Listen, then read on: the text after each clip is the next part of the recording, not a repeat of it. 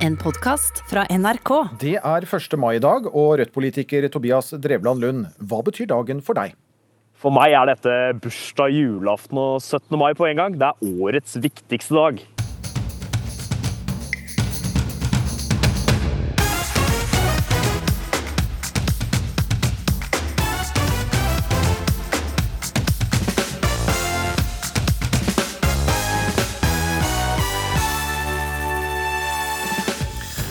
Andre pinsedag føles mer spesiell enn arbeidernes dag, sier formannen i Fremskrittspartiets Ungdom.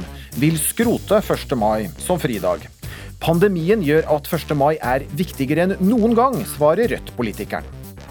I Bergen blir gatenavn heretter oppkalt etter kvinner.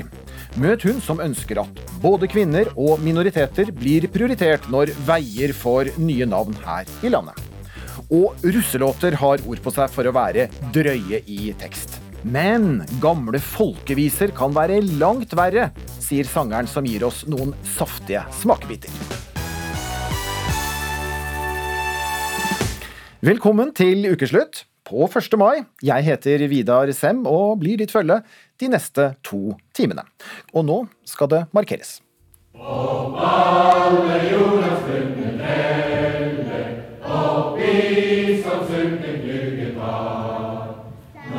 Nå det av rettens velde, til siste kamp der gjøres klar.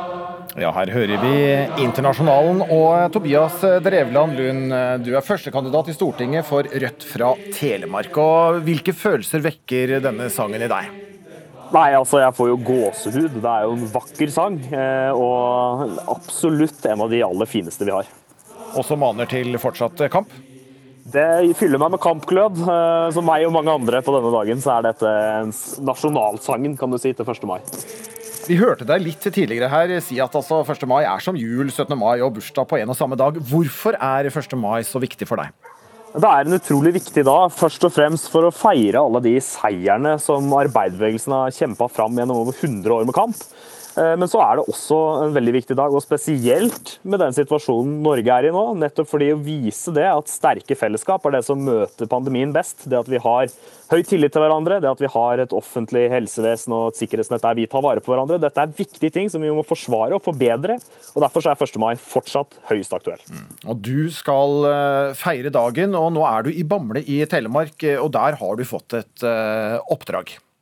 Ja, der er en av flere da, som skal holde appell, og sola skinner. og Vi er faktisk en liten gjeng her som skal være fysisk innenfor smittevernreglene. Så dette er jo så godt vi kan gjøre det. Selv om ikke det er 1. mai som vi kjenner det med fullt tog og oppmøte, så er det i hvert fall i en liten versjon, litt nedskalert. Så jeg gleder meg veldig. Lykke til med, med, det. Og når du er ferdig med appellen i Bamble, så møter du Fremskrittspartiets Ungdom her i Ukeslutt. De mener 1. mai ikke bør være en fridag.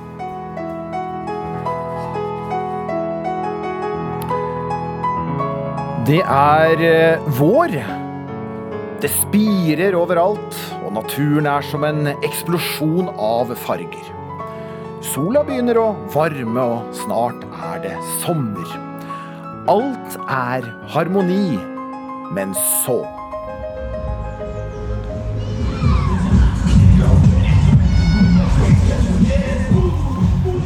For hvem kommer her? Jo, her kommer russen også inn i Ukeslutts studio. Francis Kelleher, velkommen. Tusen takk. Og Nigisti David Kuflu, velkommen til deg også. Du er Hei, du. Du er satt i koronakarantene, så du er med oss hjemmefra. Um, ja, ja, kom ikke hit. Men uh, dere er begge russ og sitter i russens hovedstyre. Og for selv om det er en annerledes russetid i år, med mange restriksjoner, har nok russ vært ute i natt i mindre grupper. Og russebusser eller ei, det har sikkert også blitt hørt på russemusikk. For det er laget mye av det i år også. Og Francis Keller, det ble en lang natt på deg? Det ble en lang natt, ja. Jeg var på um... En som er misunnelig her, eller? Veldig. Skikkelig, skikkelig. Jeg satt hjemme med tidenes fomo i går og så på alle snappene fra alt og ingenting. Ja. Så lå jeg i senga. Ja. Men du fikk feiret, Francis? Jeg fikk feiret. Vi hadde slippfest i går, så det var veldig gøy. Og, og med musikk også? Ja, vi hadde masse sånn der uh, russmusikk som mm. For russen er jo kjent Ja, for russen er jo kjent i, for i noens øyne eh, også en, si, en vulgær og, og, litt anmasende musikk. Eh, hva kan vi vente oss av russelåter i år da, Nigisti? Um, vi har jo fått en smakebit på det meste, men så ser vi også at noen uh, slipper litt senere, så da er det jo mye som kommer litt sånn i etterkant. Men hittil har det jo vært veldig mye sånn Veldig mange har hatt mer fokus på festing, føler jeg. Um, og jeg føler altså hjemmesnekkene i år er på et nytt nivå. Um, og det tror jeg Francis kan skrive under på. Hjemmesnekkene i år har vært skikkelig skikkelig bra. Ja. Um, selv om det er noen dårlige òg. Men uh, det er veldig mye bra, mye bra hjemmesnekkavdelingen. Ok, dere. Skal vi høre noen av årets kandidater? Ja. mange tjejer som en naken i min bil Jeg er en kung og jeg gjør hva jeg vil. Baby gillar duften av min Wunderbaum Baby låt meg titta på din bom bam bam Du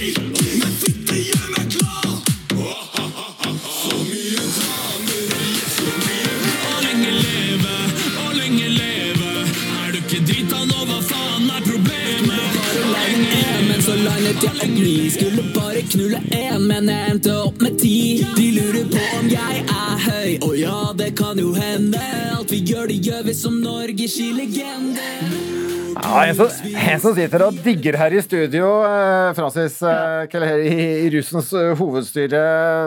Dette her, dette her, liker du, men det er drøye tekster, da? Det er drøye tekster, men det er alltid drøye tekster i russelåter. Er, man kan nesten ikke ha russelåt uten drøye tekster. Ja, ja, hva sier du, Nigisti?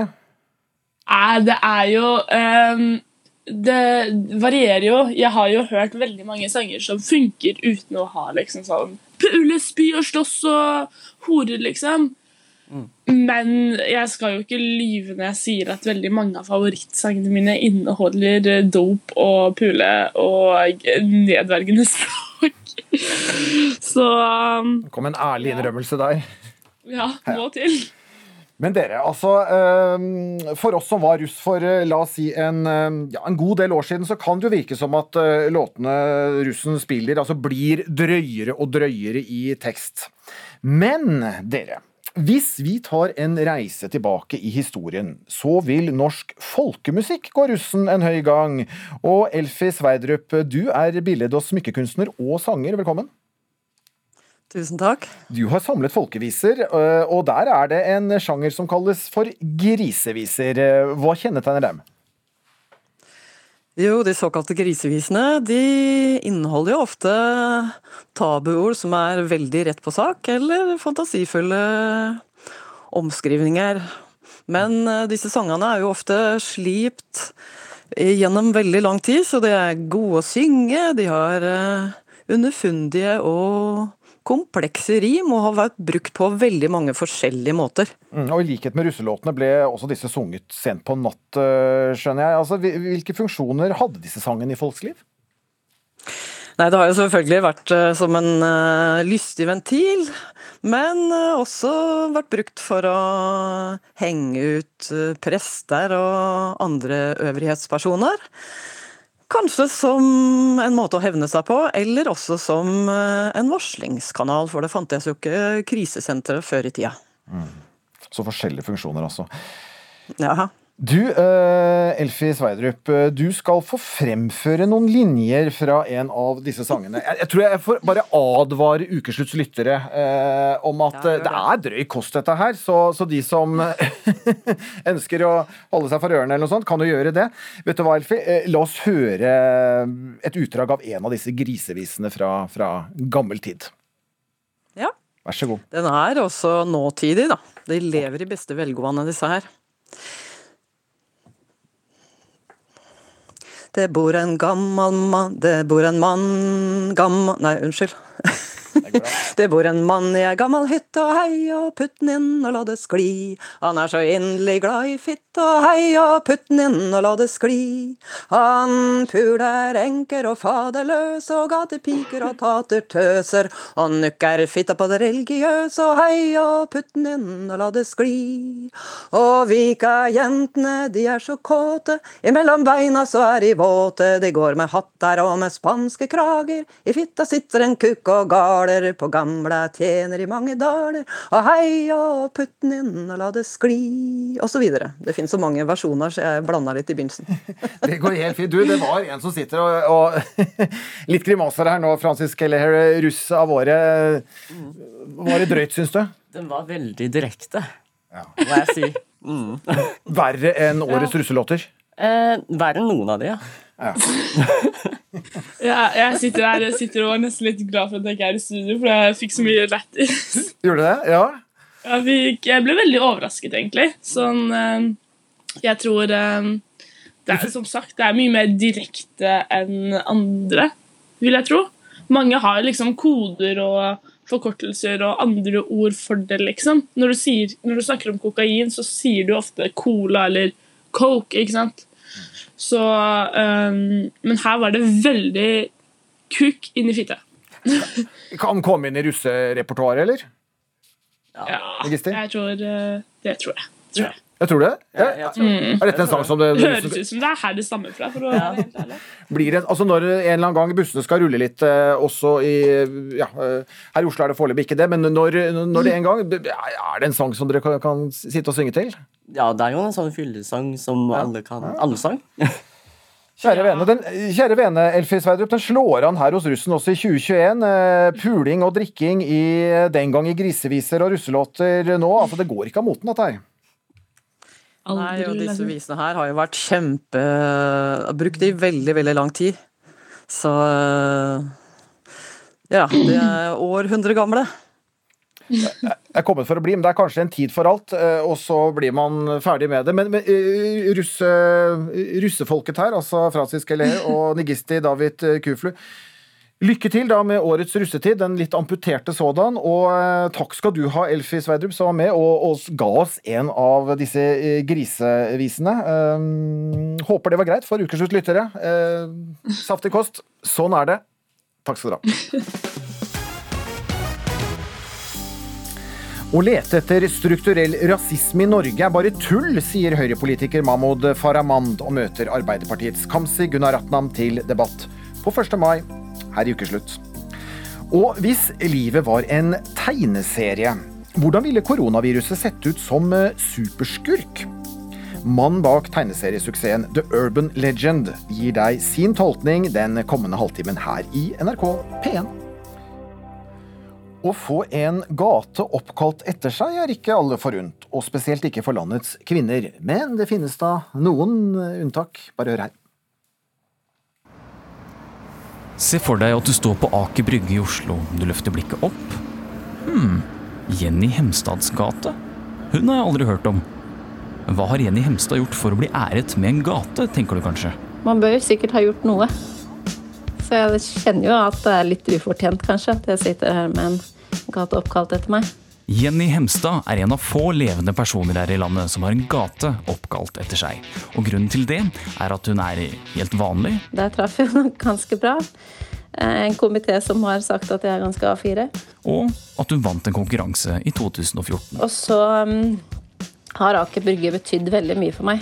For da Jenny Hemstad var 18 år, driftet hun en av butikkene her. Nå bor hun et helt annet sted. Det er jo veldig gøy, men samtidig så er det jo ingen som vet at det er meg som går der, i min egen gate. Så litt rart er det jo å kjenne på da. Du bor jo nå ikke i Oslo, eh, men hender det at du tar turen tilbake til Jenny Hemstads gate for å se litt hvordan det står til og sånt? Ja da, det gjør jeg en gang iblant. Og så får jeg veldig mange bilder fra folk som er innom der. Og tar og sender meg en liten selfie med gatenavnet i bakgrunnen, så det syns jeg er veldig artig. Så jeg får fulgt med litt.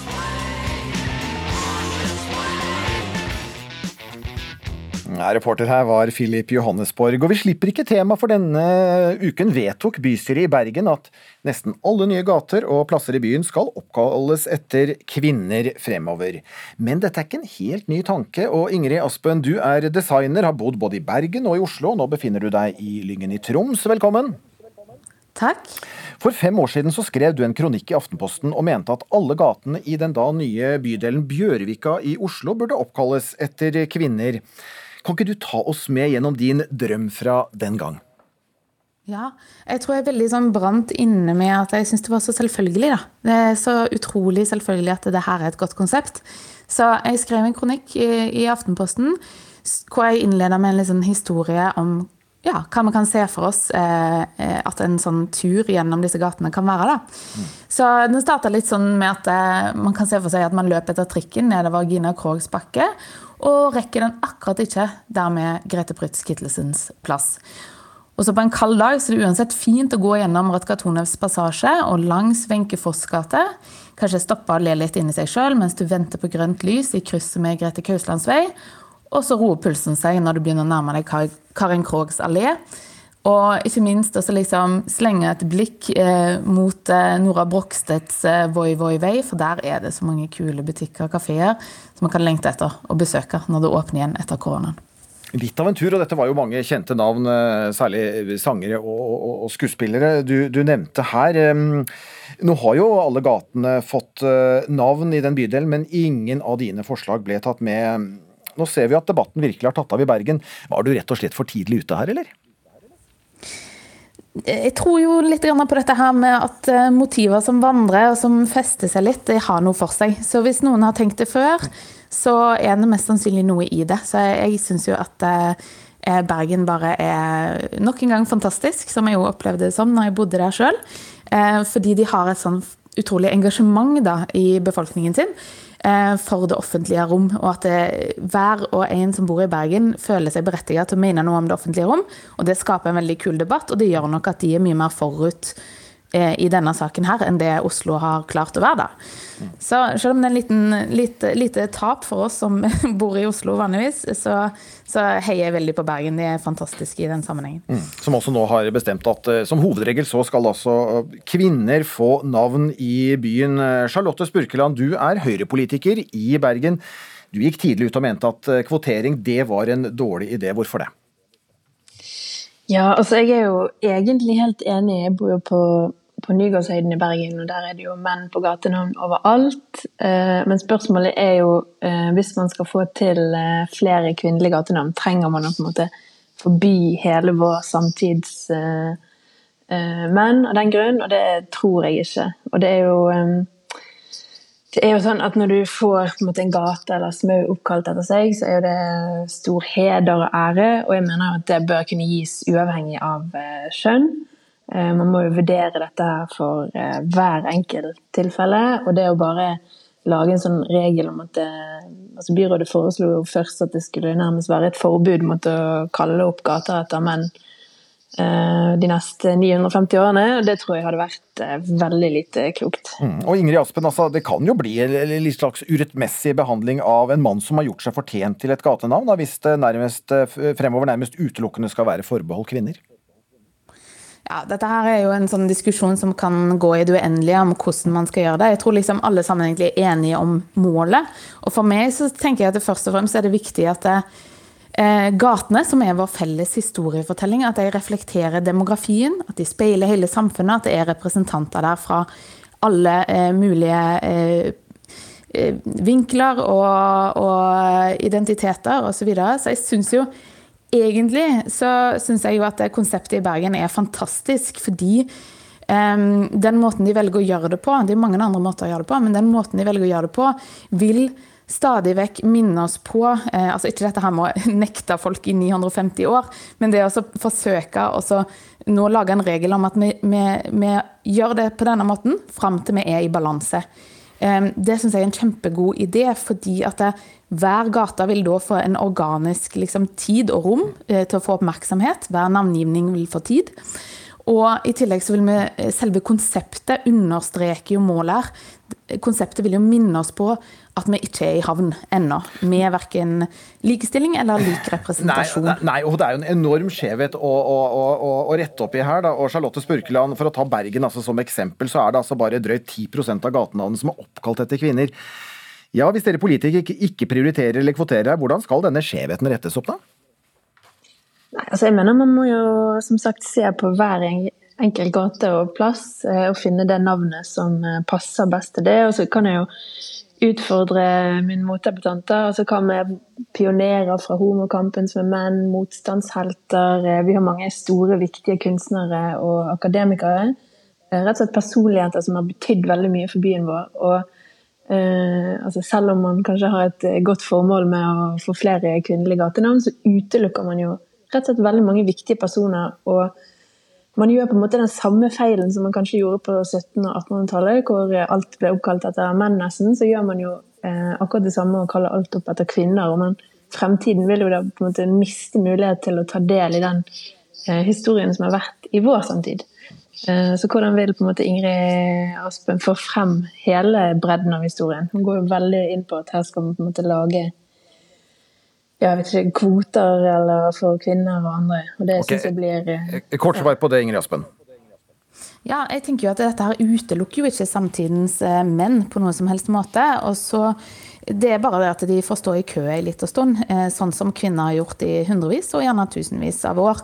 Og så syns jeg jo at hele diskusjonen om kvinner og menn og det å sette de opp imot hverandre, er ganske idiotisk. når når man Eller litt gammelt, da. Kanskje ikke idiotisk, men litt gammelt. Eh, for jeg tenker jo at vi bør egentlig ha representanter som, som er tar del, sånn som du sier, da. Med pride og med alle mulige identifikasjoner i vår samtid. Folk som eh, ser på seg sjøl eh, helt utenfor disse to kategoriene, skal selvfølgelig òg være representert. Det mm. syns jeg er, er, et flott mål, men jeg syns kanskje det er en god idé å starte et sted og komme opp på et visst nivå, og at, er liksom at det er noenlunde balanse, og så begynne å diskutere hvordan vi navngir gater videre. Ja. Og så syns jeg jo òg at dette her med unntak Selvfølgelig skal Frank Aarebrot ha ei gate.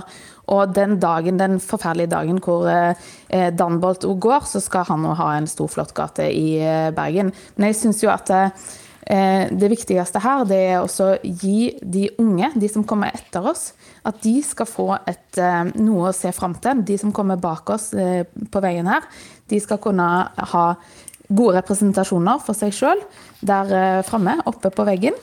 Og så syns jeg at, eh, at, det er viktig at vi, at vi liksom ikke stopper med dette her med å diskutere kvotering eller ikke kvotering. Det er liksom bare et insentiv, og det er òg et insentiv som har funka. Og jeg syns at det, alle andre forslag på å komme dit til i mål med dette her, det er hjertelig velkomment, men jeg har bare ikke hørt noen gode forslag ennå. Ok, Denne diskusjonen er sikkert ikke slutt. Det er eh, masse mennesker som sikkert fortjener å få en gate og andre ting oppkalt etter seg. Eh, og debatten vil fortsette rundt dette. Nå må vi stoppe i denne omgang. Takk for at dere tok det her i Ukeslutt. Høyre-politiker i Bergen Charlotte Spurkeland og designer, designer Ingrid Aspen. Det er altså 1. mai, eh, arbeidernes dag i dag. En dag for å kjempe for endringer. Og Kamzy Gunnar Atnam, eh, varaordfører i Oslo for Arbeiderpartiet, velkommen. Tusen takk. Hvordan har du markert dagen så langt? Du, jeg har markert dagen ved å legge ut eh, litt sånn obligatorisk sosiale mediegreier om hvorfor denne dagen må markeres. Og så har jeg vært borte hos en tidligere utenriksminister, Knut Frydenlund, lagt ned blomster og holdt en appell ved graven hans. Viktig dag eh, for deg, og på en slik dag mener du også at det er viktig å ta opp kampen for dem som opplever terskelen inn til fellesskapet høyere enn oss andre, og som kan være utsatt for det du kaller for uh, strukturell rasisme. Hva legger du i det? Mm. Altså, strukturell rasisme er jo ikke sant, Rasisme vet alle hva er. Det er diskriminering basert på etnisitet, uh, bakgrunn. Uh, og strukturell rasisme er jo strukturer og kultur i samfunnet på ulike nivåer som gjentar seg, så det oppleves systematisk, og at det skjer ikke sant, gjentatte ganger. Så det er strukturell rasisme. Mm. Men ligger det mer i struktur, at det ikke tilrettelegges godt nok, gjøres godt nok, eh, eller eh, i strukturelle holdninger? Begge deler. Vi er jo påvirket av hvordan samfunnet er rundt oss. ikke sant? Politikk skaper holdninger, og holdninger skaper politikk. Jeg pleier å si at når man ikke er bevisst inkluderende, så blir man ubevisst ekskluderende. Og på mange måter handler det om kunnskap, eh, mangfoldskompetanse. Eh, og det er det vi snakker om her. Mm. Mm. og du har også kommet med forslag om å kurse kommunalt ansatte i strukturell rasisme. Hvorfor det? Ja, dette er forslag som kommer fra AUF i Oslo AUF, og bl.a. meg, som handler om å øke kompetanse kompetanse.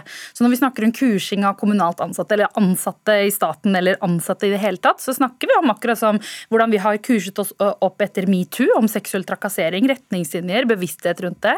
Eller hvis jeg hadde vært sjef i en bedrift eller en etat og skulle tilrettelagt for en person med nedsatt funksjonsevne, fordi jeg er funksjonsfri, så jeg må ha kompetanse på hvordan jeg tilrettelegger for vedkommende. Så det det handler om, er kompetanse. Det handler om kunnskap. Mahmoud Farahmand, du er Høyre-politiker og stortingskandidat fra Telemark til eh, Nettavisen. Har du sagt at det bare er tøys å snakke om strukturell rasisme i Norge? Hva mener du med det? Takk, hyggelig å være her. Eh, litt av utfordringen med strukturell rasisme er jo denne definisjonen som dras fram her. Det er eh, ikke, for det første ikke godt nok definert, det er én ting. En annen ting er at inngangen altså vi jeg tror uh, varaordføreren i Oslo er jo ganske enige om at uh, man ønsker uh, å legge til rette for likhet ved, ved, for muligheter, iallfall. Uh, det jeg opplever her nå, er at man også ønsker en slags likhet i resultater. Og, og det vi vet da, er at det er så å si umulig å legge til rette for like resultater. Eh, det vi ønsker, er jo som sagt like muligheter. Som, eh, jeg vet ikke om situasjonen i Oslo kanskje er betraktelig annerledes enn andre steder i Norge, men, men i Telemark fall, så er det jo slik at man ser en inkluderende kultur. Man ser at folk inkluderes lettere. Man, man ser at man gjennom eh, masse av de tiltak som er lagt til rette for under disse syv årene, har fått en eh, bedre inkludering. Man, man har gratis idrettskort, man legger til rette for fullføringsprogrammer på videregående skole. Disse tinga her er det som må til for å skape større inkludering. Og det å ha en inngang til et sånt kurs som strukturell rasisme virker litt sånn anklagende og vil skape større avstand. Vi er dessverre, slik jeg opplever dette forslaget, i ferd med å gå i en retning der vi skaper større mistillit enn å skape større samhold. Og det er svært problematisk i et eh, moderne Norge. Mer mistillit enn samhold, eh, Kamse Gunnar Ratnan? Det er jo veldig rart, da. Hvis man blir diskriminert, skal man ikke si at man blir diskriminert, man skal bare si at personen misforsto, eller eh, vi skal bare unnskylde det bort, liksom. Det gjør vi jo ikke når det gjelder kvinner. Vi gjør ikke det overfor LHBT-personer. Vi gjør det heller ikke overfor folk med innvandrerbakgrunn. På denne dagen, arbeidernes internasjonale kampdag, så kan vi jo si at det er jo ikke bare en kampdag, det er også en festdag. Vi feirer Norge som velferdsstat. Vi feirer små forskjeller som er et resultat av at man har et målrettet tiltak. Man satt ikke på den ene enden av bordet og snakket om at arbeiderne kan klare seg sjøl fordi vi har god kultur her i landet. Kultur skapes av struktur. I dag er det veldig mange. Jeg er veldig glad for det Farman sier om at eh, han opplever god kultur i Telemark. Eh, jeg tipper det vil alltid være noen som sier at vet du hva, jeg blir ikke helt inkludert. Det kan være på bakgrunn av hudfarge, det kan være på bakgrunn av andre ting. Det mine forslag handler om, er at det er veldig mange som i dag opplever diskriminering og utenforskap. Og da må vi møte det med tiltak. Da kan vi ikke bare si at det å si at det er diskriminering, er mistillit. Nei, vi prøver å påpeke sannheten her. Og da kan ikke folk bare stå på den andre siden med privilegier, med, eh, med den eh, muligheten de har til å være i, i, fellesskapet, og si at de utenfor, det er de som må tilpasse seg. Faramand. Ja, det, er, det er interessant problemstilling her som dras fram her. for man, man, vil gjerne, altså, man vil gjerne snakke om diskriminering og legge diskriminering sånn nesten direkte over til rasisme. Det vi vet fra forskning fra andre steder, er at, og, og europeisk forskning over flere år, at diskriminering har mange grunner. Eh, det kan være det som oppleves som diskriminering basert på etnisitet, kan ha mange eh, forskjellige innganger. Eh, diskriminering på arbeidsmarkedet er en ganske interessant diskusjon. for Det vi ser er jo altså at arbeidslivsdeltakelsen for innvandrere i Troms og Finnmark er betydelig høyere enn arbeidslivsdeltakelsen for, for innvandrere i, i, på Østlandet. Og jeg, jeg, tror altså, Vi er ikke uenig i dette med at man må på en måte legge til rette for større deltakelse. Det er vi helt enig i. Samtidig så er det inngangen her man automatisk antar at for, folk ikke har like si, resultater, så skyldes det at en tredjepart står på utsiden og aktivt diskriminerer og holder igjen. Hvis vi skal diskutere dette med strukturell rasisme, så er det litt, litt, litt hvis man mener at rasismen er innvevd i strukturene, for det er det slik det fremlegges her, så er det jo litt uh, interessant å vite at uh, eh, 14,2 2 av den norske befolkningen har, er innvandrere, har innvandrerbakgrunn. Dersom dette, eh, denne strukturelle rasismen er til stede, så er det litt, litt rart at man har valgt å gjøre det eh, på, på det viset som altså ta, ta imot og, og bosette så mange innvandrere. Det som jeg, jeg, opplever her nå, er at man, man langt på vei kommer med en rekke sånn påstander og tillegger motivasjoner som ikke er hellige og, og vil skape større eh, igjen eh, distanse og mindre tillit. Det vi vet fra lignende kurs fra andre deler av verden som, som foreslås her, altså disse kursene i strukturell rasisme, som sies her, er at det skaper faktisk større barrierer. De som blir satt til å gjennomføre, altså delta på kursene, opplever, eh, eller rapporterer iallfall, at de opplever en større mistillit og, og er mer en større distanse til, til jeg, kan, jeg må, få lov Gunnar Ratman få svare her. Kan det føre til at vi ja, vi, vi, blir så opptatt av det, og at det også kan føre til en, ja, en distanse rundt dette, som Farahman sier? Vet du hva? Det er ved å påpeke diskriminering, ved å påpeke avstand. Man har klart å liksom løfte kvinnene der vi er i dag i Norge, hvor vi har kommet så langt i homokampen, hvor vi har kommet lenger enn andre steder. Tillitssamfunnet ble ikke av seg sjøl. Tillitssamfunnet ble ikke av på måten farmann snakker om, men det er jo Høyre som snakker, som står på den andre siden og sier at ting bare skal ordne seg sjøl. Nei, vi må fikse det. Og jeg har et spørsmål. Hva er denne forakten mot kunnskap? Fordi det er jo bare kunnskap jeg snakker om her. Bevisstgjøring av mennesker. Vi har etter metoo blitt bevisst på at vi må gå gjennom retningslinjer og eh, skaffe oss kunnskap om hvordan man håndterer det. Kort til slutt. Det, det, er, det, er ingen, det er ingen hva skal si, forakt for kunnskap. Det er jo ikke det som fremlegges her. Og Det som er interessant her, er altså at mange av de tiltakene som Høyre har gjennomført i regjering, eh, som jeg sier, dette med, dette med frikort eh, osv., det er jo nettopp for å skape større inkludering og samhold uten å peke på en syndebukk her. Ok. Dere, eh, denne debatten her er, er, sikkert ikke over eh, med det, men takk for at dere i hvert fall tok den på 1. mai her i Ukeslutt. Altså debatten om strukturell rasisme, varaordfører i Oslo, Kamzy Gunnar Ratnam fra Arbeiderpartiet, og Mahmoud, Mahmoud Farahmand, stortingskandidat for Høyre i Telemark.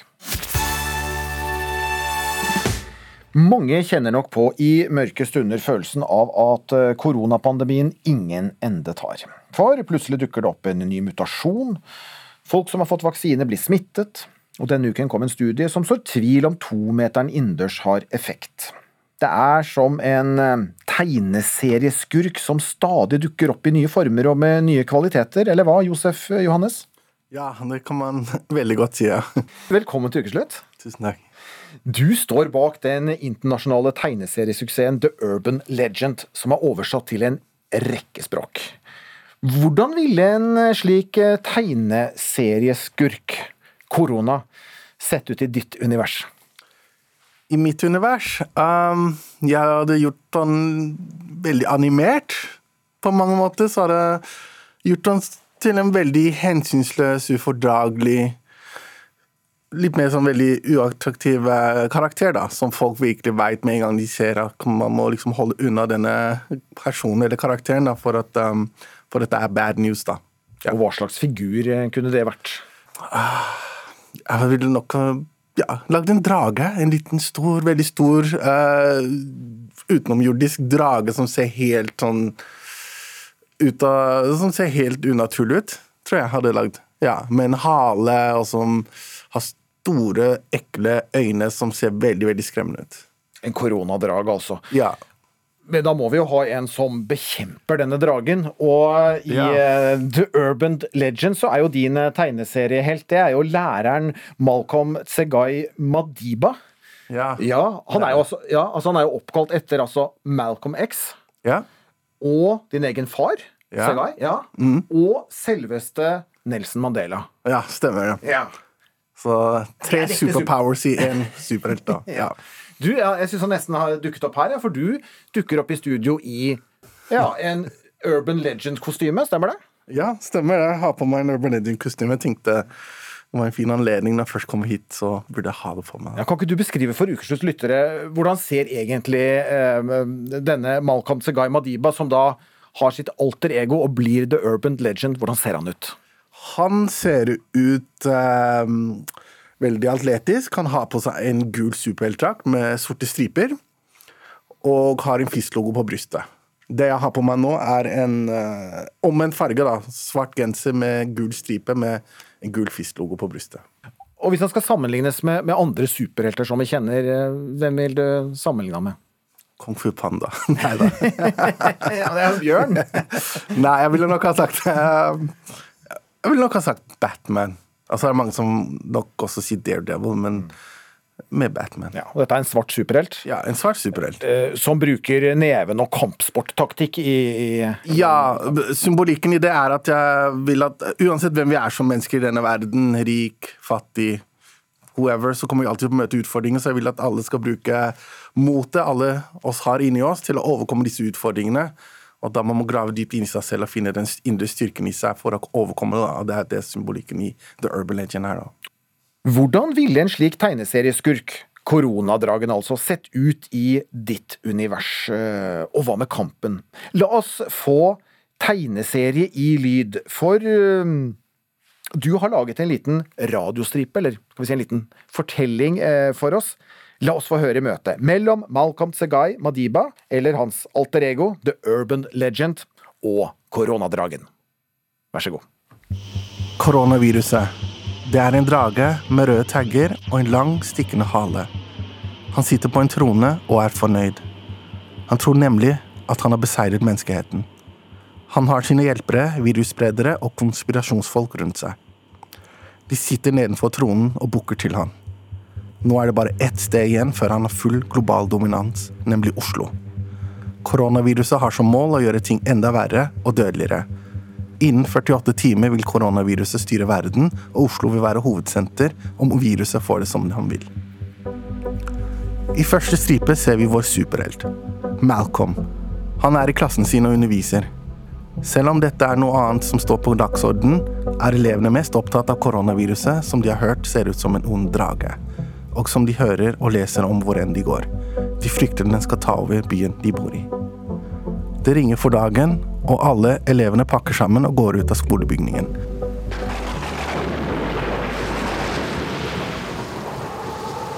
Med ett kommer det en stor, grå sky over hele Oslo, og en stemme sier Koronaen er her for å bli, og det er ingen som kan stoppe det, og ingen kommer til å unnslippe det. Og ler på en ondskapsfull måte. Kom på min side, og du vil bli beskyttet. Malcolm ser det hele fra klasseromsvinduet, han skjønner kjapt hva som skjer, og lager en plan. I neste stripe ser vi at Malcolm stopper en gruppe av elevene sine og sier han vil snakke med dem kjapt. Etter å ha snakket med dem, så blir lærer Malcolm til sitt alter ego, The Urban Legend. Han har da på sin ikoniske superheltdrakt, som er gul, med sorte striper og en fisklogo på brystet. I neste stripe ser vi nå i skolegården, der hvor superhelt roper til koronaviruset mot himmelen at han skal gå over på koronavirusets side om viruset bare viser seg. Koronaviruset blir positivt overrasket og glad når han ser The Urban Legend stå fram. For han veit om den gode jobben The Urban Legend har gjort tidligere med å opplyse folk om korona og hvordan man skal bekjempe det. Så han har sett på The Urban Legend som sin erkefiende. The Urban Legend sier til koronaviruset stå fram så alle kan se deg, og ta meg imot. Koronaviruset er så oppslukt over at The Urban Legend skal gå over til hans side, at han glemmer seg midt oppi det hele og står fram. Elevene gisper, for det er nesten ingen som har sett koronaviruset i sin fulle prakt før. The Urban Legend strekker fram en hånd, og idet koronaviruset går fram for å ta han imot, så former 30 elever seg i en ring rundt koronaviruset. Elevene har blitt utstyrt med hver sin sprayboks med desinfeksjonsmiddel og sprayer koronaviruset, og man kan se den bli varmere og varmere. Det begynner å komme røyk ut av den, og til slutt eksploderer den i filler. Elevene fikk speilboksen da Malcolm stoppet dem i gangen før han ble til The Urban Legend. Plutselig er det sol igjen, og folk er glade og optimister. Det er til og med noen som danser i gatene. The Urban Legend smiler og sier for å bekjempe et onde som koronaviruset, så er det viktig å stå sammen og aldri gi opp, uansett om oddsen er mot deg. For enhver forandring man ønsker å se, starter alltid med seg selv først. Akkurat nå kan det være at det sys om bare det over det ganske land for å få bunader ferdig til nasjonaldagen. Ja, det sys om bare det, hører vi her. Hvor mange som kommer til å gå med bunad i år, det er uvisst, siden vi igjen har en spesiell nasjonaldag knyttet til koronapandemien. Men pandemien har også gitt oss et nytt og smittevennlig antrekk, for det lages munnbind med bunadsmønster. Tull, mener noen. Flott, sier andre. Designer Kjell Nordstrøm, velkommen. Tusen takk. Kjent for mange som mann bak kostymene i eh, NRK-suksessen Maskorama. Eh, du heier på munnbind med bunadsmønster. Hvorfor det? Fordi at bunaden er jo et festplagg. Og jeg tenker at eh, alt som kan tilføre bunaden litt ekstra fest, spesielt i de tidene som vi lever i nå, det er bare positivt. Men det, ja, men dette er jo, altså, Munnbind er jo også et uh, hjelpemiddel vi bruker for å, for å begrense koronaspredning. Hvorfor skal det bli en del av en eh, gammel tradisjonsarv? Jeg tenker at Tradisjoner er jo historie, og liksom hver tid setter jo sitt preg. Og den tiden som vi lever i nå, den, den, jeg syns på en måte det er litt fint også at man, at man kan vise at ja, det her, dette var den de, de her munnbindene med broderier håper vi jo selvfølgelig skal være bare én sesong. Det er jo ikke noe vi ønsker skal bli en del av bunaden. men jeg tenker også at vi må, vi, vi må, huske at bunaden er ikke så tradisjonell og historisk som mange tror. Den har forandret veldig mye helt fra starten av, og jeg tenker at samme som med kultur og mote. Det er hele tiden under forandring. Mm. Så la oss i hvert fall dette året her ha munnbind på uh, bunadsantrekket, uh, mener du Kjell Nordstrøm. Camilla Rossing, du er leder i Norsk institutt for bunad og folkedrakt. Du er ikke like begeistret for munnbind med bunadsmønster. Hvorfor ikke? Nei, nå vil jeg jo si at uh, alle må jo gå kledd akkurat sånn som de vil på 17. mai, og det at eh, vår glede over bunaden og, eh, og 17. mai eh, smitte over på, på, et brodert munnbind, det er, jo, det er jo bare positivt. Men personlig så, så eh, ønsker jeg ikke å gå med det, og det har noe med det at eh, vi verdsetter jo bunaden veldig høyt eh, av av grunner som handler om identitet og tradisjon og familie, og, og ikke minst også det gode håndverket som ligger i bunaden, og det å, å da pynte på et munnbind det, Ja, jeg vet ikke om det er eh, For meg så, så blir det litt feil, for det er noe, munnbind er et praktisk hjelpemiddel vi bruker i en pandemi, eh, som vi er litt lei av, eh, og som vi må bruke vi må skifte ut hver annen time eh, og vaske på 60 grader. og ja, Så for meg så er det noe som er praktisk, og som jeg bruker fordi jeg må. Eh, så, um, men det finnes jo veldig mange forskjellige munnbind, og man kan bruke mønstre eller ensfarger eh, ettersom man vil til bunaden, men man trenger ikke gå så langt som brodere det, kanskje, eller pynte på det mer enn ja. Men det der engangsmunnbindet vi kjøper eh, på apoteket, eh, er jo ikke helt kledelig til en bunad, da? Camilla? Nei, det er jo ikke, det er jo ikke veldig fint, jeg er helt enig. Og eh, jeg vil heller ikke gå med det på 17. mai. Jeg har et eh, sort et som jeg kanskje tar på meg, eller et rødt et. Det finnes jo mange forskjellige munnbind der ute som man kan bruke. Men uten mønster for din del, eh, Kjell Nordstrøm. Nå er hånden oppe her i studio. Ja, jeg tenker at om vi skal se på det, altså Munnbind er jo et, et, et smittevernprodukt. Og jeg tenker jo at de her broderte munnbindene bør jo uansett brukes med et engangsmunnbind under og da har man jo både eh, ordentlig smittevern, eh, og man kan kaste engangsmunnbindet. Eh, jeg tenker Det fine med 17. mai, som du sa, det er jo dette at ja, man skal kle seg som man vil. Og jeg tenker at Vi har en, en generasjon av unge i dag som har lyst til å gjøre en markering. Dette er liksom deres ungdom og deres tid. Jeg tenker at det er kjempekult om 50 år når man ser tilbake på fotografier og så, og så sier de at det her var vår 17. mai. Eh, og så har jeg lyst til å si en ting også, at vi glemmer eh, litt grann at de her damene som, som vi gjerne snakker om tradisjoner, de her damene som eller framfor alt då dama Hulda Garborg som er liksom bunadens urmor kan man si, som da eh, satte igång det hele i början på 1900-tallet.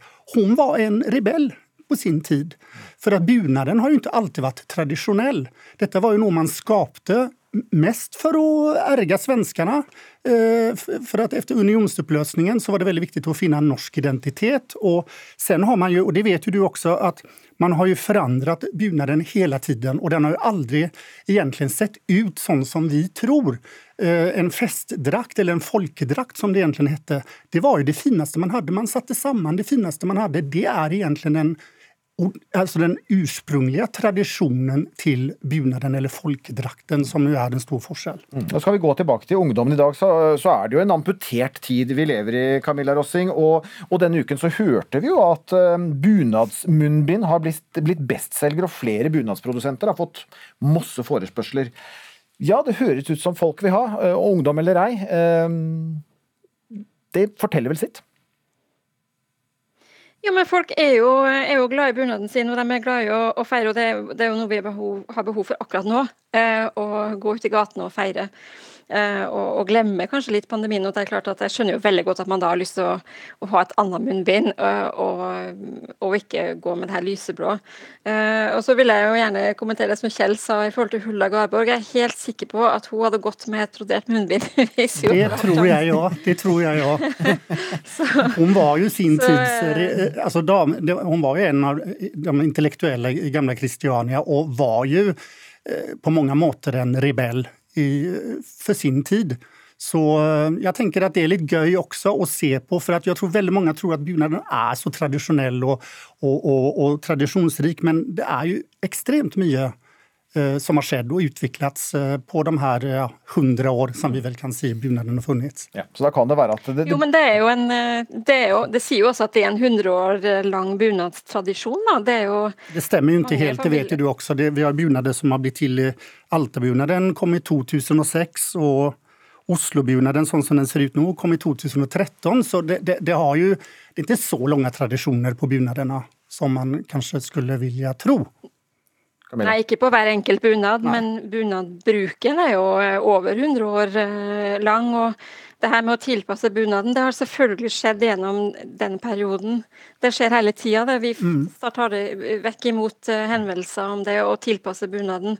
Og uansett hvor historisk korrekt bunaden din er, og uansett hvor rekonstruert den er i forhold til historiske kilder, sånn, så vil den vi vil alltid tilpasse den til vår samtid. Skulle man gått kledd sånn som de gjorde i 1760, så hadde man jo ikke gått med undertøy. Og ja, en rekke sånne ting. Så selvfølgelig tilpasser vi bunaden, men det er også noe med å å verdsette det håndverket og den kunnskapen som ligger bak en bunad. Og det å, å mm. tenke på at det er jo faktisk en, en festdrakt. Det, det, det, er noe, det, er det aller fineste vi har. Munnbindet mitt er ikke det. Det er, en, det er en, helt annen uh, type ting som, uh, som er kastet etter to timers bruk. Og det, men, ja, det, men, det jeg mener, da. Ja. Hulda Garborg var en rebellstjerne. Vi får se hvor mange rebeller som uh, dukker opp med munnbind da, på 17. mai i år. Takk for at dere tok debatten i hvert fall, om bunadsmunnbind, designer Kjell Nordstrøm og Camilla Rossing, som er leder ved Norsk institutt for bunad og folkedrakt. Den siste uken har vært preget av sterke reaksjoner og tydelige motsetninger etter at SV forrige helg vedtok selvbestemt abort frem til levedyktighet, som altså er satt til uke 22 i svangerskapet. Her fra Debatten på NRK for to dager siden. Det er nesten så jeg ikke vet hva jeg skal si, for jeg syns det er så rystende og fortvilende det rokker ved hele den balansen vi har i dagens eh, abortlov. Eh, det fjerner jo rettsvernet. Jeg tror den beste til å ivareta et foster, det er hun som bærer det. Her hørte vi KrF, Høyre og SV i debatt. En som også stilte opp denne uken, det var deg, Elina Kristine Tennefoss Vadselle. Velkommen. Takk skal du ha. Du er med oss eh, fra Os utenfor Bergen. Eh, for to år siden så avbrøt du svangerskapet med sønnen Oskar etter 21 uker og fem dager. Hva var din historie frem til abort? Det som skjedde for oss, det var at vi ble gravide med IVF. Eh, vi hadde prøvd å bli gravide i veldig veldig mange år og trengte til slutt hjelp. Og ble veldig glad når det var to streker som lyste mot meg. Så var vi på et par ultralyder, og alt så fint ut. Helt til vi kom til det som heter ordinær ultralyd i uke 18. Og I forkant av det da, så hadde jeg en uh, svangerskapsdepresjon, så jeg sleit jo veldig med å glede meg. Uh, så mitt utgangspunkt for den ultralyden var jo at jeg uh, skulle inn på en medisinsk undersøkelse mange eh, som møter opp på dette, her er jo veldig spente på kjønn og sånne ting. Eh, det var ikke helt der jeg var, men jeg, aldri, jeg var ikke redd eller noe, så jeg så ikke for meg at det skulle gå så galt. Eh, så kom jeg til denne her ultralyden og fikk beskjed om at han var alvorlig syk. Hvordan var det å få den beskjeden? Det var veldig, veldig tøft. Eh, som sagt så hadde jeg denne her svangerskapsdepresjonen i utgangspunktet. Eh, så jeg sleit jo med å glede meg. Eh, så kommer dette her på toppen, og da føler vi jo virkelig at hele verden raser. Eh, og det som skjer der og da, er jo at vi får beskjeden. Så blir vi sendt ut. Eh, de hadde ikke tid før senere på dagen før en lege kunne undersøke, så da skulle vi ut og drikke kaffe, prøve å få tida til å gå. Eh, og jeg husker at jeg tenkte at dette her kan være siste dagen der jeg kan late som at livet mitt er litt normalt. Eh, så kommer vi inn igjen litt senere på dagen, og da får vi jo bekrefta at denne her diagnosen den er veldig alvorlig. Um, og da, da, skjønner jeg jo at det er så alvorlig, så jeg kjenner på det at nå, nå har vi det travelt. Vi vil jo ha mer informasjon før vi bestemmer oss for hva vi skal gjøre. Men samtidig så kjenner jeg at jeg har en sånn uggen følelse av at det er veldig sannsynlig at det ikke går bra. Og jeg kjenner at jeg må skynde meg å bli glad i han når jeg kan, og skape minner når jeg kan. Og at det liksom er nå jeg har sjansen til å være en mamma for han. Få en tilknytning? Ja, en tilknytning. Jeg slet jo veldig med det før denne her ultralyden. Jeg klarte liksom ikke å glede meg. sånn at med en gang, med en gang vi fikk diagnosen, så kjente jeg at uh, hvor mye dette her betydde for meg, og hvor, hvor glad jeg var igjen. Ja. Du tok abort. Hvordan opplevde du det? Det var jo Det var veldig, veldig tøft. Det som skjedde, var jo at tilstanden hans ble jo veldig mye verre. Utgangspunktet var jo at vi, vi ønska mer informasjon for å se om dette her var noe vi kunne fortsette med, men det viste seg at det ikke var. Så da sendte vi jo en begjæring, som det heter, om abort. Møtte i abortnemnd og måtte gjennom den prosessen. Det var veldig tøft. Det begynner jo med at en får, får, medisiner. sånn at når jeg ble lagt inn på sykehuset, så visste jeg jo at han antageligvis allerede var død. Da hadde han slutta å sparke. Og han Selve fødselen den tok to døgn og var egentlig ganske lik en annen fødsel. Eneste forskjellen er at når en føder et dødt barn, så kan en få litt mer medisiner. En slipper å ha så vondt, men den psykiske smerten som en kjenner på, den er så ufattelig. Og jeg husker jeg lå der med rier. Jeg er født i påsken 2019, samtidig som Notre-Dame brant. Og jeg husker når kirketårnet raste, og det sto i avisa at dette her var uerstattelig. Og kjente på denne her at Ja.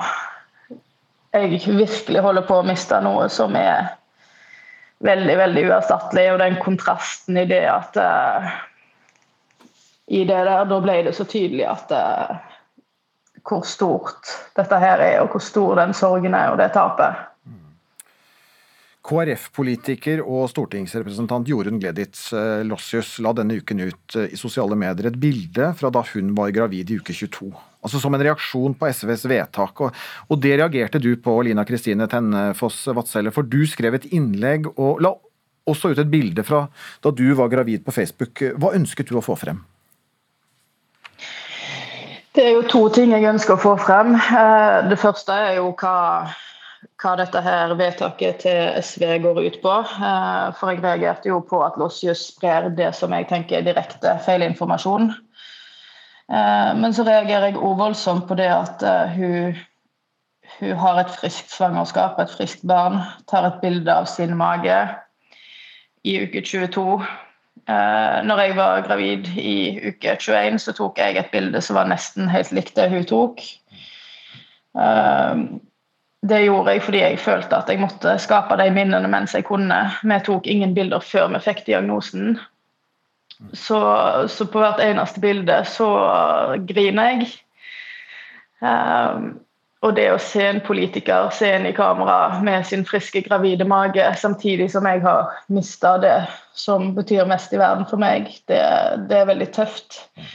For jeg føler at det, det er to helt forskjellige ting. Jeg syns ikke det bør sammenlignes. Vi har prøvd uh, å, å, få med Jorunn Losshus her, men har fått beskjed om at det er landsmøte i uh, Kristelig Folkeparti denne helgen, og at hun ikke hadde anledning til å delta. Men Losshus har tidligere uttalt seg til NRK og sa da at det gjør uh, veldig vondt å høre Vadselle beskrive sin sorg, altså din sorg, og at det er modig og fint å dele denne historien, for dette er også en viktig del av uh, abortdebatten. Hvis du bare kort kan, kan, fortelle hva slags reaksjoner du har fått på ditt innlegg, eh, hva er det? Jeg har jo først og fremst fått veldig veldig mye støtte. Jeg har fått meldinger i innboksen både på Facebook og på SMS. Jeg har fått uh, masse, masse sterke historier. Eh, fra andre som har vært gjennom det samme. Ikke alle klarer å være veldig like åpne om det. Eh, så det er veldig mange som takker meg for det. Eh, men så har jeg jo vært innom kommentarfeltene, og jeg ser jo at det åpenbart er mye bedre enn hva det har vært. Men jeg ser jo det at det er enkelte som likevel insisterer på å kalle meg en barnemorder. Som lurer på hvordan jeg har klart å drepe sønnen min ut av kaldt blod og, og sånne ting. Og der kjenner jeg at det gjør meg litt trist å tenke på at uh, at de ikke ser det dilemmaet vi har stått i, og at, uh, at de likevel velger å bruke en sånn ordbruk. Mm. Du er også lokalpolitiker for SV, og støtter partiets landsmøtevedtak fra forrige helg om å avskaffe abortnemndene, og at kvinner selv skal ha rett til selvbestemt abort frem til uh, uke 22. Nå skal vi møte hun som fikk sitt barn omtrent på samme tid i svangerskapet, det vil Si så tidlig som i uke 23. Malin Helen eh, Dyp Giel, velkommen til ukeslutt. Takk skal du ha. Dere var forberedt på det verste, men du fødte en liten jente, Eiril, i uke 23. Hvordan var det å være forberedt på død, men at det ble liv?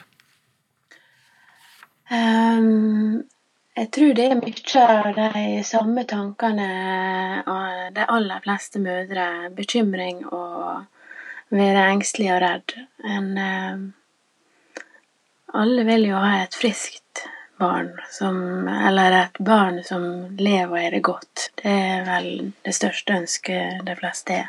Mm.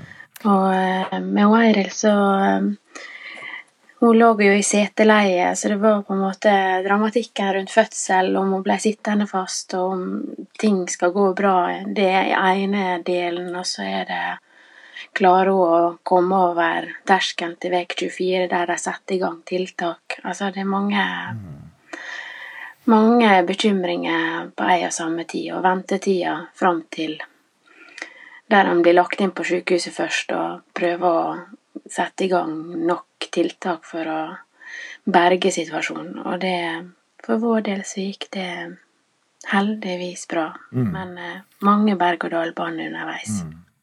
Hun veide 550 gram og var bare 19 cm lang, altså født nesten 17 uker for tidlig. Og du var overrasket da du fikk holde henne, har du sagt til eh, TV 2. Eh, hvorfor mm. overrasket? Eller Holdene jeg fikk, eh, Det tok eh, nesten to uker før vi fikk Holdene, men eh, når vi fikk se henne første gang, når hun lå i handa mm.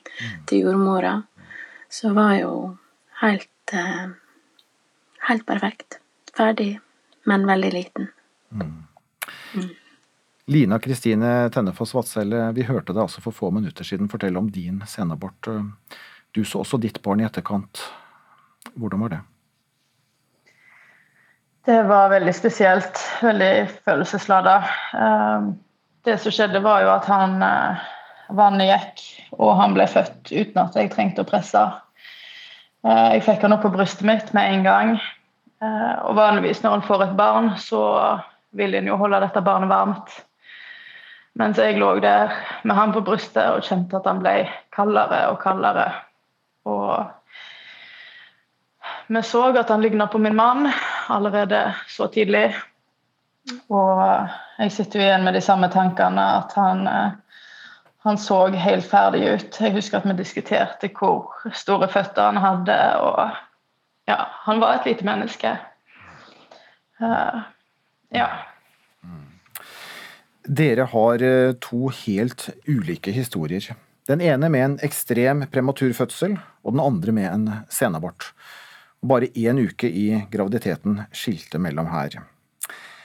Dere har også ulikt syn på om det skal være selvbestemt abort helt frem til levedyktighet. Og Malin Helen Dyp Kiel, det at du har født et barn så tidlig, og, og, og da sett et barn fra uke 23, eh, forsterker, slik jeg har skjønt, ditt syn på at det, ligger noen rettigheter her som bør ivaretas eh, av en form for en abortnemnd?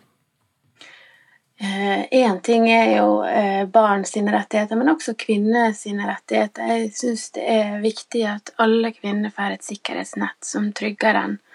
Om det heter en nemnd, eller om det heter noe annet, det betyr ikke så mye. Så lenge en blir ivaretatt på en skikkelig måte og blir møtt med omsorg og omtanke rundt de utrolige vanskelige valgene, sånn som eh, Line Kristine må gjennom. Jeg syns det er uhyre viktig. Eh, når det er snakk om alvorlig sykdom og andre ting eh, med barn eller mor, så må alle de som trenger det, få hjelp. Mm.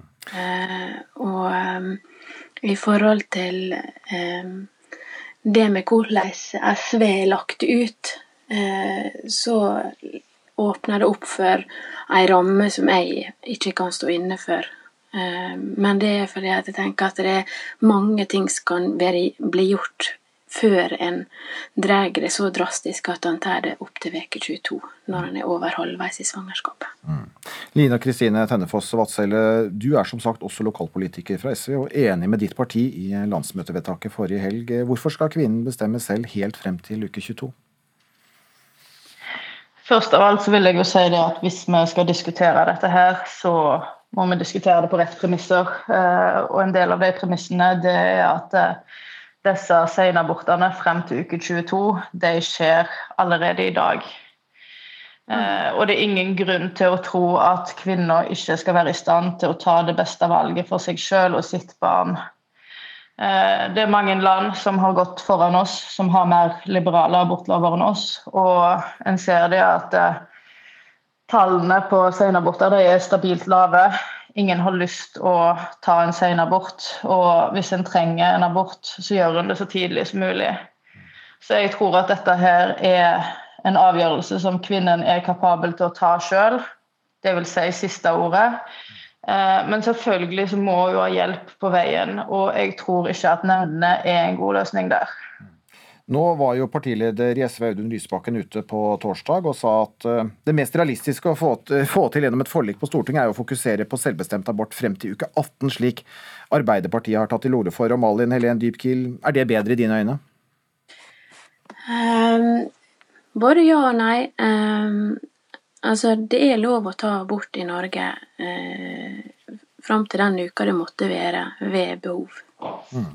Eh, og da er det særskilte grunner som er i grunn for det. Eh, og da tenker jeg at eh, der vi er nå, det er en fin plass å være. Uavhengig av religion eller livssyn, men på et generelt grunnlag. Fordi at det er de som trenger hjelp, de må få det uavhengig av hvor langt de er på vei. Abortspørsmålet vekker sterke reaksjoner. Og, og Lina Kristine Tennefoss Vadselle, eh, ja, du har vært modig. Du, du, fortalte jo din historie også her nå i, i, i, ukeslutt. Er du glad du har stått frem med din historie eh, om, om senabort og, og den kampen? Jeg er veldig glad for det. Eh, jeg har vært åpen om det jeg har gått gjennom hele veien. Når vi fikk diagnosen, så la jeg det ut på internett allerede to dager senere. Og jeg opplevde det som veldig vanskelig å få den informasjonen jeg trengte.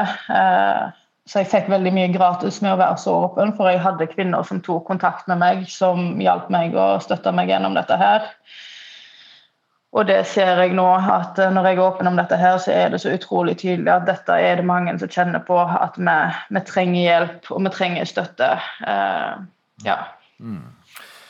Takk for at eh, dere ble med i Ukeslutt eh, og, og delte deres historier, og også tok debatten her altså i Ukeslutt. Lina Kristine Tenfoss Vadselle og Malin Helen Dyp eh, Kiel, takk skal dere ha. Vi skal tilbake til 1. mai og arbeidernes dag, som feires av mange i dag, blant dem Tobias Drevland Lund, førstekandidat til Stortinget for Rødt i Telemark. På starten av vår sending så, så gjorde du deg klar til å holde appell i Bamble i Telemark. Hvordan gikk det? Nei, Jeg føler det gikk eh, ganske bra. og Nå er jeg for å si det sånn, ganske jazza opp. Så jeg er klart å møte FPU her i debatt, som tydeligvis ikke har lært av historia og skjønner hvor viktig 1. mai er for Norge og for, eh, for velferdsstaten vår. Ja da, og Fremskrittspartiets Ungdom er med her i, med, ved formann Andreas Brennstrøm. Jeg får spørre deg, hva, hva betyr 1. mai for deg? Jeg tror 1. mai for eh, veldig mange ikke betyr så veldig mye. Det er eh, like viktig som andre pinsedag. Men det er jo fordi venstresiden har misbrukt arbeidernes dag, altså 1. mai, som en slags valgkampåpning for eh, venstresiden. Og vi må huske på at veldig mange arbeidere ikke tilhører venstresiden. Likevel er årets hovedparole nytt flertall, altså et regjeringsskifte. Dette er det veldig mange arbeidere som overhodet ikke ønsker, og som også vil koste dem dyrt i økte skatter og avgifter, eh, færre arbeidsplasser og mindre muligheter. Du kan bare spørre deg, hva, hva, har du gjort i dag, da? På en dag som denne? Nei, altså Det er jo en uh, vanlig uh, fridag. Så ja, det er en lørdag, vanlig helg. og, dagen bør, bør, avskaffes som fridag. Betyr det, hva betyr det? Skal vi få en annen fridag, eller skal vi miste en fridag? Nei, Vi mener at vi heller bør ha eh, 8. mai, frigjøringsdagen, som en eh, fridag. Eh, vi syns det er litt merkelig at eh, halvparten av den politiske skalaen skal ha sin egen nasjonale fridag, og bruke den som en valgkampåpning. Ja, Hva sier du til det, Tobias Drevland Lund? Forslaget om å bytte 1. mai med 8. mai som fridag her i landet? Jeg sier jo aldri nei takk til mer fridag, og det er jo selve kjernen i det venstresida hele tida jobba for. Mer frihet for vanlige folk. Og så er det jo sånn at Hvis eh, Brennstrøm og Frp er så bekymra for at vi bruker denne dagen til å mobilisere mot regjeringa og regjeringas politikk, så kunne vi kanskje ført en litt mer sosial politikk de siste syv åra. De satt med finansministeren og satt i regjering. For forskjellene har økt. Arbeidsledigheten er nå rekordhøy. Vi trenger en offensiv næringspolitikk som får folk tilbake i jobb. Og vi trenger også å bekjempe de økende forskjellene. 115 000 barn vokser nå opp i fattigdom. Det er på Frp sin kappe. Og så tenker jeg at Hvis, eh, hvis Frp da hadde klart å mønstre litt flere enn 50 stykker på torvet i Drammen, så hadde de kanskje de også ville hatt en fridag. Jeg skjønner at det er litt flaut. Men nå er det faktisk sånn at dette er en veldig viktig dag. Og så La meg minne oss på også, for 100 år siden så hadde vi en annen pandemi som herja verden i Norge. Den het spanskesjuken. Den tok livet av nesten 15 000 mennesker. Hva er grunnen til at vi gjør det mye bedre i dagens situasjon. Det tror jeg er fordi vi har nettopp gått sammen, bygd en velferdsstat, et offentlig helsevesen der vi tar vare på hverandre. Dette er kjernen i det norske samfunnet, og dette er fordi folk har gått i tog. Folk har kjempa fram goder og rettigheter som har gjort Norge til verdens beste land å bo i. Og det er ikke skattekutta til Frp og Siv Jensen som har gjort Norge til en velferdsstat. Der fikk du den 1. mai-talen. Eh, Brennstrøm i Fremskrittspartiets Ungdom, hva svarer du? Nei, altså jeg er helt enig i at 1. mai har betydd mye for historien, men nå har den utspilt sin rolle. og Det er takket være at eh, LO har valgt å fronte Arbeiderpartiets politikk fremfor å kjempe for arbeidernes eh, sine eh, kjernesaker. Vi ser jo bl.a. i år paroler som nei til atomvåpen og boikott Israel. Dette er overhodet ikke kampsakene til arbeidere i Norge. Så vi mener venstresiden seiler under falsk flagg. Ingen av parolene tar til orde for kutt i skatter og avgifter, og at arbeiderne skal få beholde mer av sine egne penger som de har eh, jobbet for. Og så syns vi også det er veldig spesielt at man har et større fokus på regjeringsskifte på arbeidernes dag enn den økende arbeidsledigheten, alle de permitterte under korona, hvordan bedrifter og arbeidere skal komme seg styrket ut av eh, krisen. Det er en halv million som står utenfor arbeidslivet. De virker å være helt glemt av arbeiderbevegelsen på 1. mai. Og én av fire arbeidsledige unge, de er eh, unge. Likevel så blir det ikke nevnt. Jeg synes rett og slett det er eh, skikkelig skuffende. Og det bekrefter bare at 1. mai det er ikke arbeidernes dag, det er sosialistenes dag. Og da har den utspilt sin uh, rolle, og folk flest velger å ikke markere den, men bruker det som en fridag. Og det er veldig synd. Ja, Seiler du under falsk flagg her, Drevland Lund? Ja, men Brennstrøm har jo ikke lært av historia. Det er jo venstresida i arbeiderbevegelsen som har skapt 1. mai. Det er jo ikke Frp. Det er jo ikke så rart at dette er vår dag. Det er jo fordi vi skal feire de seierne vi har kjempa gjennom. At vi har en velferdsstat, at vi har et godt offentlig helsevesen bl.a. At vi har offentlig skole, og alle disse tinga, er jo fordi vi har kjempa for det. Vi har brukt denne dagen til å kjempe for det, og det skal vi også gjøre videre. Og hvis Brennstrøm hadde sett på parolene, så er det jo nettopp paroler som rettferdig gjenåpning, at vi skal ha eh, arbeidsfolk i fokus, at vi skal trygge jobber, at vi skal ha gode ordninger for de som er permitterte og arbeidsledige. Dette er jo parolene. Så hvis han hadde satt seg litt inn i hva 1. mai handler om også i år, så hadde han jo skjønt det. Og så skjønner jeg egentlig ikke at det er så veldig mye å være sur for for en ekstra fridag. Andreas, du kunne jo bruke denne til å spille golf eller hva enn du gjør. Altså, du kan, dette er jo individuell eh, frihet i praksis. Enten kan du gå i tog, eller du kan feire sånn som meg, eller så kan du gjøre akkurat hva du vil. Jeg tror eh, vi alle nyter godt av denne dagen, uansett hvordan man bruker den. Og så håper jeg at mest mulig folk bruker den nettopp til å mobilisere for en ny politikk. Det er jo ikke rart at arbeidsfolk ønsker en ny regjering etter syv år med det kaoset som dere har etterlatt dere, med, folk, med den laveste sysselsettinga siden 90-tallet, med rekordhøye forskjeller. Vi trenger en annen kurs, og da er det ikke rart at hovedparolen er 'nå er det arbeidsfolks tur'. Jeg støtter det og gleder meg til regjeringsskiftet. Jeg vet ikke om det blir golf på deg, Brenstrøm, men du skal få svare her. Det blir faktisk golf på, uh, golf på meg i dag. Altså. det er godt gjetta. Men eh, som sagt, jeg er enig i at det er en historisk viktig dag. Men det er jo nettopp derfor venstresiden bør lære å fortsette å kjempe for arbeiderne, og ikke mot dem. De ønsker jo økte skatter og avgifter. Og FPU mener arbeiderbevegelsen selv støter fra seg veldig mange arbeidere som de burde kjempa for, og spesielt nå under eh, korona. De trenger virkelig all den støtten eh, de kan få. Men like, og Vi kjemper for at de skal beholde mer av sine egne penger. Jeg reagerer på Hvorfor har LO valgt side? Hvorfor ønsker de ikke selv å være politisk nøytrale? Hvorfor ønsker de å hive millioner på Arbeiderpartiets valgkamp? Fronte venstresidens politikk fremfor arbeidernes behov? Og så vil jeg si, Det er ingen tvil om at det er arbeiderbevegelsen som har forlatt arbeiderne, og ikke motsatt. De gjør seg selv en bjørntjeneste ved å ekskludere halvparten av befolkningen fra det som burde vært en viktig dag, arbeidernes dag. Og det er ingen tvil. Fremskrittspartiet er det nye Arbeiderpartiet. Det er vi som støtter oljearbeideren og vil forsvare eh, deres eh, inntekter. Venstresiden ønsker å sette en sluttdato for Norges største arbeidsplass og viktigste inntektskilde, og det mener jeg egentlig er vi får høre med, med Tobias Revan Lund. Du, du burde jo egentlig fått med deg Fremskrittspartiet her i denne dagen, da, slik at det var en felles dag eh, og en felles kampdag for alle, og ikke bare for, for noen. Det er godt Ja, altså De er jo velkomne til å gå bak paroler eh, som også Frp-medlemmer støtter. Det er jo Frp-medlemmer også i LO, så dette er jo en dag for alle. Men så skjønner jeg at det irriterer Brenstrøm at vi ønsker en ny politisk retning for mindre forskjeller og for en mer rettferdig samfunn. Og så må jeg bare si det når det gjelder skatter, for det er direkte feil. Hvis Brenstrøm hadde satt seg inn i de alternative statsbudsjettene til de rød-grønne partiene, så vil det faktisk være sånn at eh, skattenivået for de som tjener under 600 000, de vil faktisk få skattelette. Men det vi ikke finner vår ski lenger, og som Rødt er i bresjen for også, er jo nettopp å kaste penger etter Exit-gutta, aksjemeglere og, Og der fikk vi, akkurat som det FBU der fikk vi Nei, må jeg bryte inn, for der fikk vi en annen debatt enn en debatten om 1. mai. Men vet du hva, dette var det engasjementet. Eh, Det er en kampdag. 1. mai. Takk for at eh, dere tok debatten om 1. mai på 1. mai her i Ukeslutt. Rødt-politiker Tobias Drevland Lund og formann i Fremskrittspartiets Ungdom, Andreas Brenstrøm. Og dermed er ukeslutt over for denne gang. Ansvarlig for sendingen har vært Filip Johannesborg, teknisk ansvarlig Hanne Lunås, og her i studio Vidar Sem. Ha en fortsatt god 1. mai og helg. Du har hørt en podkast fra NRK. Hør flere podkaster og din NRK-kanal i appen NRK Radio.